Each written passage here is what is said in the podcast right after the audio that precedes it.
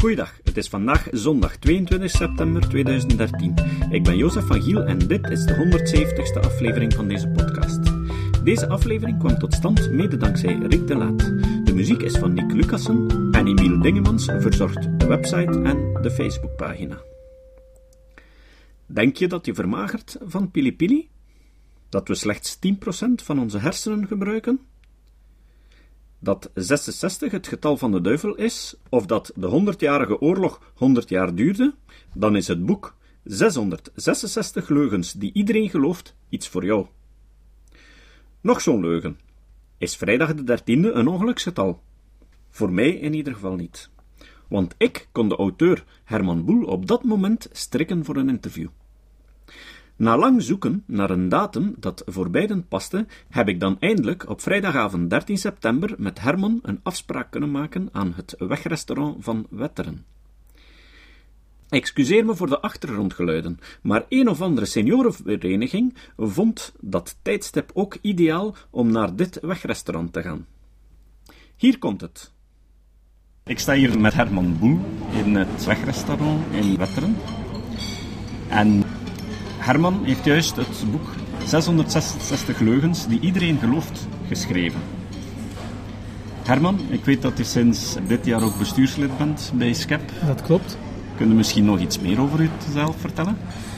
Wel, ik ben van beroep zelfstandig vertaler. Dat doe ik al 2,5 jaar. En daarnaast schrijf ik af en toe ook wel eens een boek. Maar dat is meer een hobby, daar verdien ik mijn dagelijks brood niet mee. Dus mijn dagelijks werk is gewoon vertalen. Ik heb een eigen vertaalbureau, een eenmansbedrijf, dat heet Alta Verba. De gelijknamige website heet ook zo. En daar kan iedereen komen kijken om te zien wat ik allemaal doe. Goed.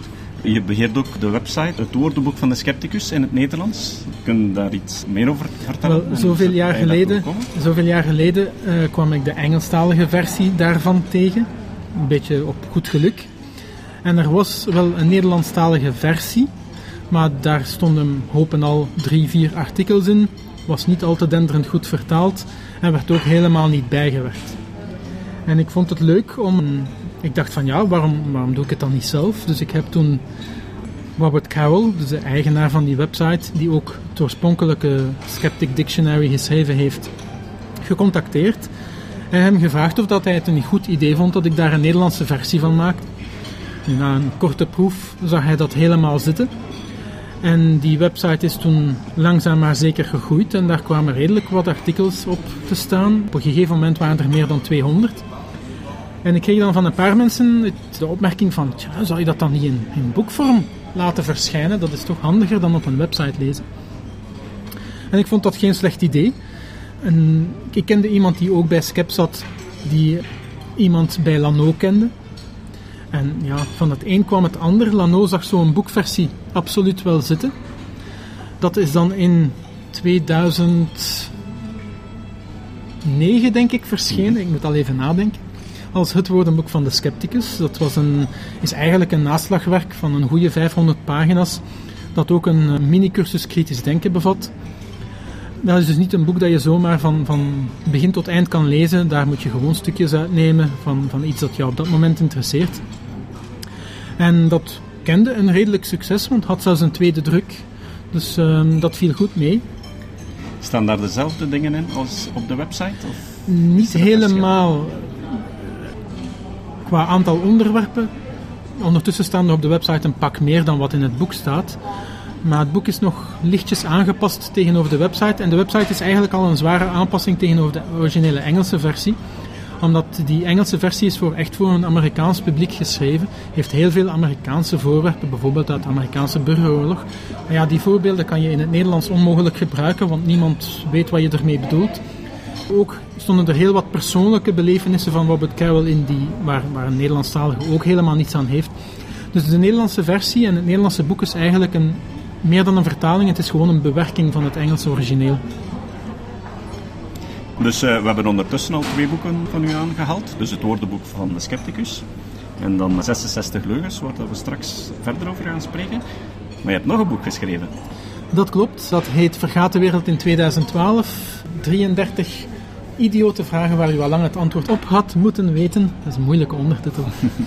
Ehm, ja, nadat die, dat woordenboek van de scepticus was verschenen, er waren een aantal mensen die zeiden van kijk, dat is wel bijzonder interessant, maar is niet zo eenvoudig om te lezen. En dat klopt ook wel. Het is, het is niet echt een eenvoudig boek. Dus dacht ik, waarom, laat, waarom zou ik nu niet eens min of meer hetzelfde maken, beknopter, maar veel, voor een veel breder publiek. En uh, ik stelde dat voor aan de uitgeverij. En die waren, Lano was meteen dol enthousiast, die zagen dat meteen zitten. Ze wilden er ook wel een, een humoristischer boek van maken, een beetje humoristische kijk op de dingen. En omdat ik zelf niet zo'n grote humorschrijver ben, hebben we er ondertussen wijlen Patrick de Witte bij gehaald. Die dus mijn basistekst altijd wat een humoristische noot gaf. Dus dat boek hebben we eigenlijk samen geschreven. En dat is een jaar later, in 2010 als ik me niet vergis, uitgekomen. Of 2011 zelfs, ik weet het ondertussen niet meer. Nu, ondertussen is de wereld niet vergaan in 2012 nee, en verkoopt het boek nog? Het is nog te koop, maar of dat het nog veel verkocht wordt, ja, die titel maakt dat het een beetje achterhaald is natuurlijk. Ja. Het had iets minder succes dan het eerste boek, moet ik wel vertellen. Mhm. uh, ondanks het feit dat Patrick de Witte eraan meeschreef, ja, je moet wat geluk hebben met boeken. Goed, dus nu, uw laatste boek is dus 66 leugens die iedereen gelooft. Staan er effectief 66 leugens in? 666. 666, ja. Er staan er effectief 666 in. De bedoeling was aanvankelijk om er een boek van 1000 te maken. Maar dat bleek eigenlijk niet haalbaar. Het is te zeggen, dat, dat was wel haalbaar, maar dan ga je er zaken inzetten die niet zo relevant zijn. Bijvoorbeeld heel typische Amerikaanse leugens waar we hier niks aan hebben. Uh, mensen vragen mij altijd een voorbeeld. En ik geef dan doorgaans dit voorbeeld, wat ik eigenlijk wel een leuke leugen vind. Dat is een mythe die rondgaat op de Amerikaanse universiteiten. Waar men gelooft dat als van een universiteitsstudent de kamergenoot ervan in de loop van het academiejaar zelfmoord pleegt, dat jij dan als kamergenoot van degene die zelfmoord heeft gepleegd geen examens hoeft af te leggen en automatisch bent geslaagd voor dat jaar. Er klopt helemaal niks van. Maar daar heeft een lezer hier helemaal niks aan. Dus dat soort dingen hebben we weggelaten. Ook had ik een aantal, want ik had er aanvankelijk veel meer dan 666, hebben we een aantal delicate onderwerpen weggelaten, zaken over de holocaust en zo. Niet dat het niet juist was wat ik schreef, maar als, die, als je die uit zijn context haalt, konden die verkeerd worden geïnterpreteerd. Maar laat ik misschien zeggen waarom, waarom ik tot dat boek ben gekomen, want uh, het is tot, uiteindelijk toch licht anders dan die eerste twee boeken. Wel, die eerste twee boeken die heb ik. Dat was een voorstel van mij aan de uitgeverij. Van kijk, ik heb dit idee. Zien jullie dat zitten om uit te brengen? Het derde boek was een voorstel van de uitgeverij aan mij. Zij hadden een idee en zij dachten van wie kan dit het best doen? En gelet de eerste twee boeken kwamen ze bij mij terecht. Ik heb toen een paar proeven geschreven en dat, we verstonden elkaar heel snel. En dat betekende dat je je research nog moest doen op dat moment? Ja, ik ben helemaal vanaf nul begonnen. Enfin, vanaf nul. Ik kon wel een aantal zaken hernemen uit de eerste twee boeken, maar ik heb dat bewust maar heel beperkt gedaan. Omdat mensen anders te veel zouden kunnen denken van het lijkt te veel op de eerste twee boeken. Dus eh, een aantal korte dingen komen wel terug, vooral pseudo-wetenschappelijke zaken. Maar al de rest is helemaal nieuw. En mensen vragen dan vaak van, hoe vind je die zaken? Waar, waar ga je naar op zoek? Nu, die eerste 100, 200 onderwerpen of leugens, die heb je snel, maar dan wordt het moeilijker. Maar dan is het gewoon een kwestie van, ja, op, op krantenwebsites, wat er dagelijks, of, of, vooral lifestyle magazines, wat daar allemaal in wordt verkondigd. En dan vind je wekelijks of dagelijks wel een hele hoop nieuwe mythes die je dan uh, kan ontkrachten. En zo om den duur kom je wel aan, aan verschillende honderden van die uh, leuke leugens. Kan je misschien eh, eens een voorbeeld geven die wel uit het boek komt? Wel, het valt mij op dat journalisten meestal allemaal dezelfde voorbeelden eruit halen. ik weet niet waarom, maar het is zo. Nu, als ze mij zelf een voorbeeld vragen, een van de leukste leugens die erin zit, is um, de mythe dat het gekwaak van een eend geen echo zou hebben. Nu, ten eerste vraag ik, vroeg ik mij al af van, maar hoe komen mensen ertoe van dat te gaan beweren? En wat blijkt, eh, vooral in Groot-Brittannië had die mythe heel veel succes. In die mate dat een Britse wetenschapper besloot van, van dat is echt te gaan onderzoeken. Dus wat deed hij? Die nam een eend, plaatste die in een speciale geluidsdichte kamer met wel een goede akoestiek. En, en wat bleek uit dat onderzoek, dat is uiteraard heeft het gekwaak van een eend een echo, dat kan ook niet Mhm. anders. Maar dat bleek ontzettend gedempt te zijn. Waarom, dat, dat weet ik niet, dat wist die eh, onderzoeker ook niet. Maar dan zie je dat er, is wel een reden waarom mensen dat zeggen. Er is wel een, een min of meer grond van waarheid in, want ze hoorden gewoon geen echo. Maar dat er geen echo was, dat klopt dan weer niet. En zo zitten er wel van die leuke dingen uit die zo echt lijken, maar het toch niet eh, blijken te zijn. Of misschien gewoon omdat een eend kwaakt meerdere keren na elkaar en het is soms moeilijk om te horen of dat het een herhaling is of de echo. Dat kan ook, maar het kan ook, kunnen ook gewoon de zintuigen zijn die ons... eh, Ja. Bijvoorbeeld als je een worm in twee snijdt, dan zie je de twee helften nog kronkelen.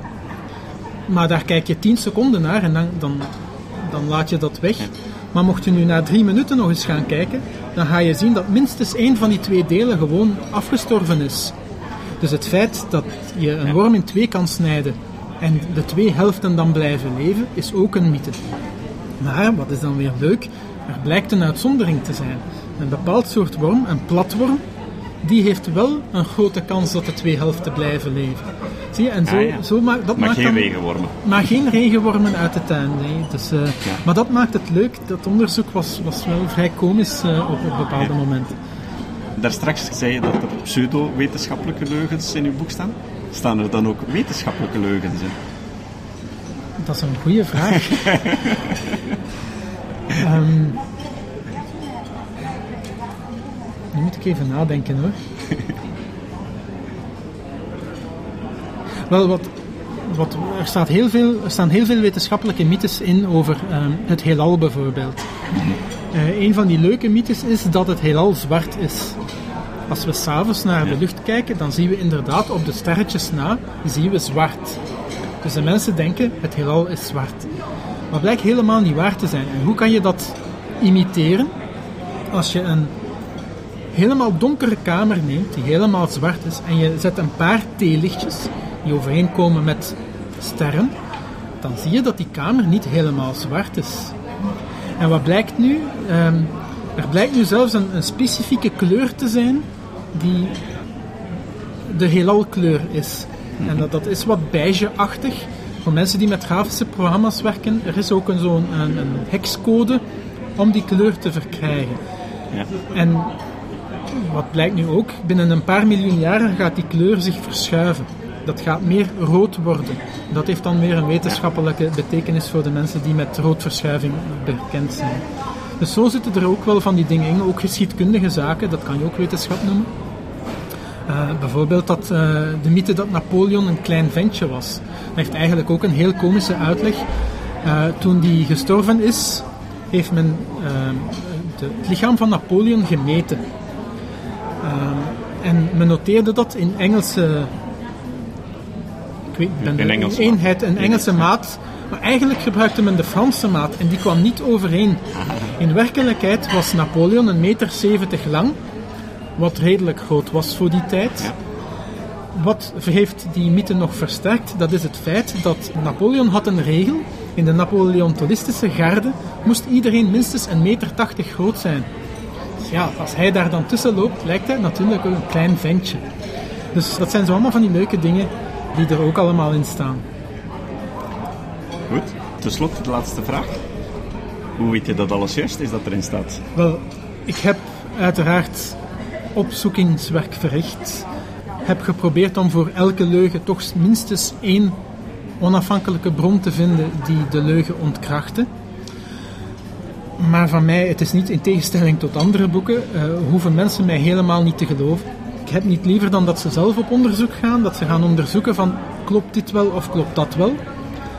En als het boek één bedoeling heeft, dan is het niet om te zeggen van kijk, zie, zie eens hoe dom we allemaal zijn. Nee, dan is het van kijk, geloof niet zomaar klakkeloos wat mensen allemaal verkondigen of wat je in de krant leest of wat dan ook. Ga eens op onderzoek uit. Eh, waarom zegt iemand wat? Eh, wat zegt die? Hoe kan je dat allemaal interpreteren? Wat zit er allemaal achter? En dan kan je wel eens schrikken van, van hoeveel zaken er worden verkondigd die eigenlijk helemaal niet waar zijn. En daar is het boek dan uiteindelijk om te doen. Met andere woorden, een goede oefening in sceptisch nadenken. Absoluut. En uw plannen nu op korte termijn? Wel, ik heb al een, een hoop persaandacht achter de rug. Ik heb er nog eh, een aantal die er zitten aan te komen. Binnenkort verschijn ik in de boekenrubriek op Actua TV. En in oktober, in het kader van de Week van de Bibliotheek, geef ik een lezing in Ham, dat is in uh, de Kempen, uh, over waarom mensen in mythes geloven. En dat is een heel amusante en tegelijkertijd interessante lezing met veel interactie met het publiek, als het publiek dat toestaat, waarin ik heel veel van die voorbeelden van mythes geef, maar waarin ik ook uitleg van hoe, komen, hoe ontstaan die allemaal, hoe komen die mythes allemaal in ons hoofd spreek je dan ook over de psychologie rond het blijven geloven? Confirmatieneiging? Ja, een beetje wel. Ik, ik, ik, ga niet in detail, want dan duurt die lezing Ja. veel te lang. Ik geef een aantal voorbeelden, zoals het verschil tussen correlatie en causaliteit. Ja. Maar ook over godsdienst uiteraard, over film, wat een heel grote bron is van mythes. Over waarom mensen in ja, hoe, bijvoorbeeld complottheorieën, waarom geloven mensen daarin, hoe komt men daartoe, hoe komt het dat mensen in totaal tegenstrijdige complottheorieën blijf, blijken Ja. te geloven. Dus die lezing is heel divers, met veel voorbeelden en eh, ik hoop, eh, op, het, ik- op het einde geef ik altijd een quiz. Wanneer gaat dat precies door? Dit is op woensdag 16 oktober in de bibliotheek van Ham om 8 uur. Maar ik hoop dat er nog, nog andere lezingen zullen volgen. Dus tegen dan zal deze podcast al live zijn. Dus de Prima. mensen kunnen gaan kijken die in de buurt Prima. zijn of die in de buurt En moeten. toegang is gratis. Ja. En waar is het precies? We kunnen, kunnen Bibliotheek van. Ham. Ah ja, Bibliotheek van Ham. Ja, dus dat is gemakkelijk te vinden voor de mensen. Goed. Heb je nog plannen voor nieuwe boeken? Ik heb nog een vierde boek dat bijna klaar is, maar dat zal in eigen beheer worden uitgegeven. Is helemaal totaal iets anders. Dat heet De Geschiedenis van Vlaanderen. En dat geeft een mooi overzicht van de geschiedenis van Vlaanderen vanaf de Romeinse tijd tot ergens in de 14e eeuw, wanneer Vlaanderen ophoudt met onafhankelijk te zijn. In tegenstelling tot, tot de meeste van geschiedenisboeken is dit in verhaalvorm geschreven. Het is oorspronkelijk geschreven door Charles van der Hagen. Dat is een man van ondertussen ja, een krasse negentiger bijna, uit het eh, Gentse. Die dat ooit in verschillende hoofdstukken heeft gepubliceerd in een tijdschrift dat niet meer bestaat. Dat heette De Vlaamse Taal. Dat had een heel beperkte oplage en ik vond dat zo fantastisch geschreven dat ik vond dat dat ook in boekvorm moest verschijnen. Ik kreeg daar ook heel veel vraag naar. Maar die man was al, al in de 80, of de 80, 70, 80 toen hij dat schreef, hanteerde dus een heel oud archaïsch taalgebruik. Dus ik heb dat helemaal gemoderniseerd. Daarom zal op de cover onze beide namen verschijnen. Maar wanneer dat, dat precies verschijnt, geen idee. Misschien eind dit jaar, misschien begin volgend jaar. Het hangt ervan af hoe lang dit boek nog bekend blijft. Maar het, leuke is dat het dus in verhaalvorm is geschreven, maar toch historisch helemaal juist is. Die man heeft uren en uren en uren in bibliotheken gesleten, want die heeft dat geschreven toen er nog nauwelijks internet was. Met heel veel verschillende bronnen. En het is echt een, een heel amusant boek om te lezen. Het is alsof je een roman leest, maar je leest eigenlijk hoe het echt is gebeurd. Het legt bijvoorbeeld heel gedetailleerd uit hoe de Gulden Sporenslag is ontstaan, verlopen, het einde ervan. Het eh, heeft verhalen over het schaken van, van mensen, over eh, intriges, over eh, executies. Het beschrijft allemaal alles heel mooi gedetailleerd, maar historisch juist. En dat is zeker iets om naar uit te kijken. Goed, we kijken er al naar uit. We gaan alleszins aankondigen als het uitgegeven is. Goed zo. Dank u. Graag gedaan. Ik wens u nog veel succes met Dank de u wel. verkoop van uw boek. Dus, als je in de buurt bent, vergeet dan niet naar de bibliotheek van Ham te gaan op 16 oktober tegen 20 uur om Herman over deze leugens te horen spreken. Het citaat. Het citaat van vandaag komt uit de Bijbel, en dat is geen leugen. In Romeinen hoofdstuk 3, vers 7 zei Paulus: Want als de waarheid van God door mijn leugen overvloediger is geworden, tot zijn heerlijkheid, waarom word ik dan nog als zondaar geoordeeld? Tot de volgende keer. Dit was de podcast Kritisch Denken. Vergeet niet om alles kritisch te behandelen, ook deze podcast. Voor verdere informatie over deze podcast, links en voor de tekst, surf naar www.kritischdenken.info. Als je deze podcast belangrijk vindt, kun je me steunen door anderen warm te maken ook eens te luisteren. Stuur een e-mail naar vrienden met een link naar de website en plaats de link in de handtekening van je e-mails. Tevens kun je op iTunes deze podcast een beoordeling geven of een recensie schrijven. Of je kan op je eigen website of blog een link naar kritisch denken plaatsen.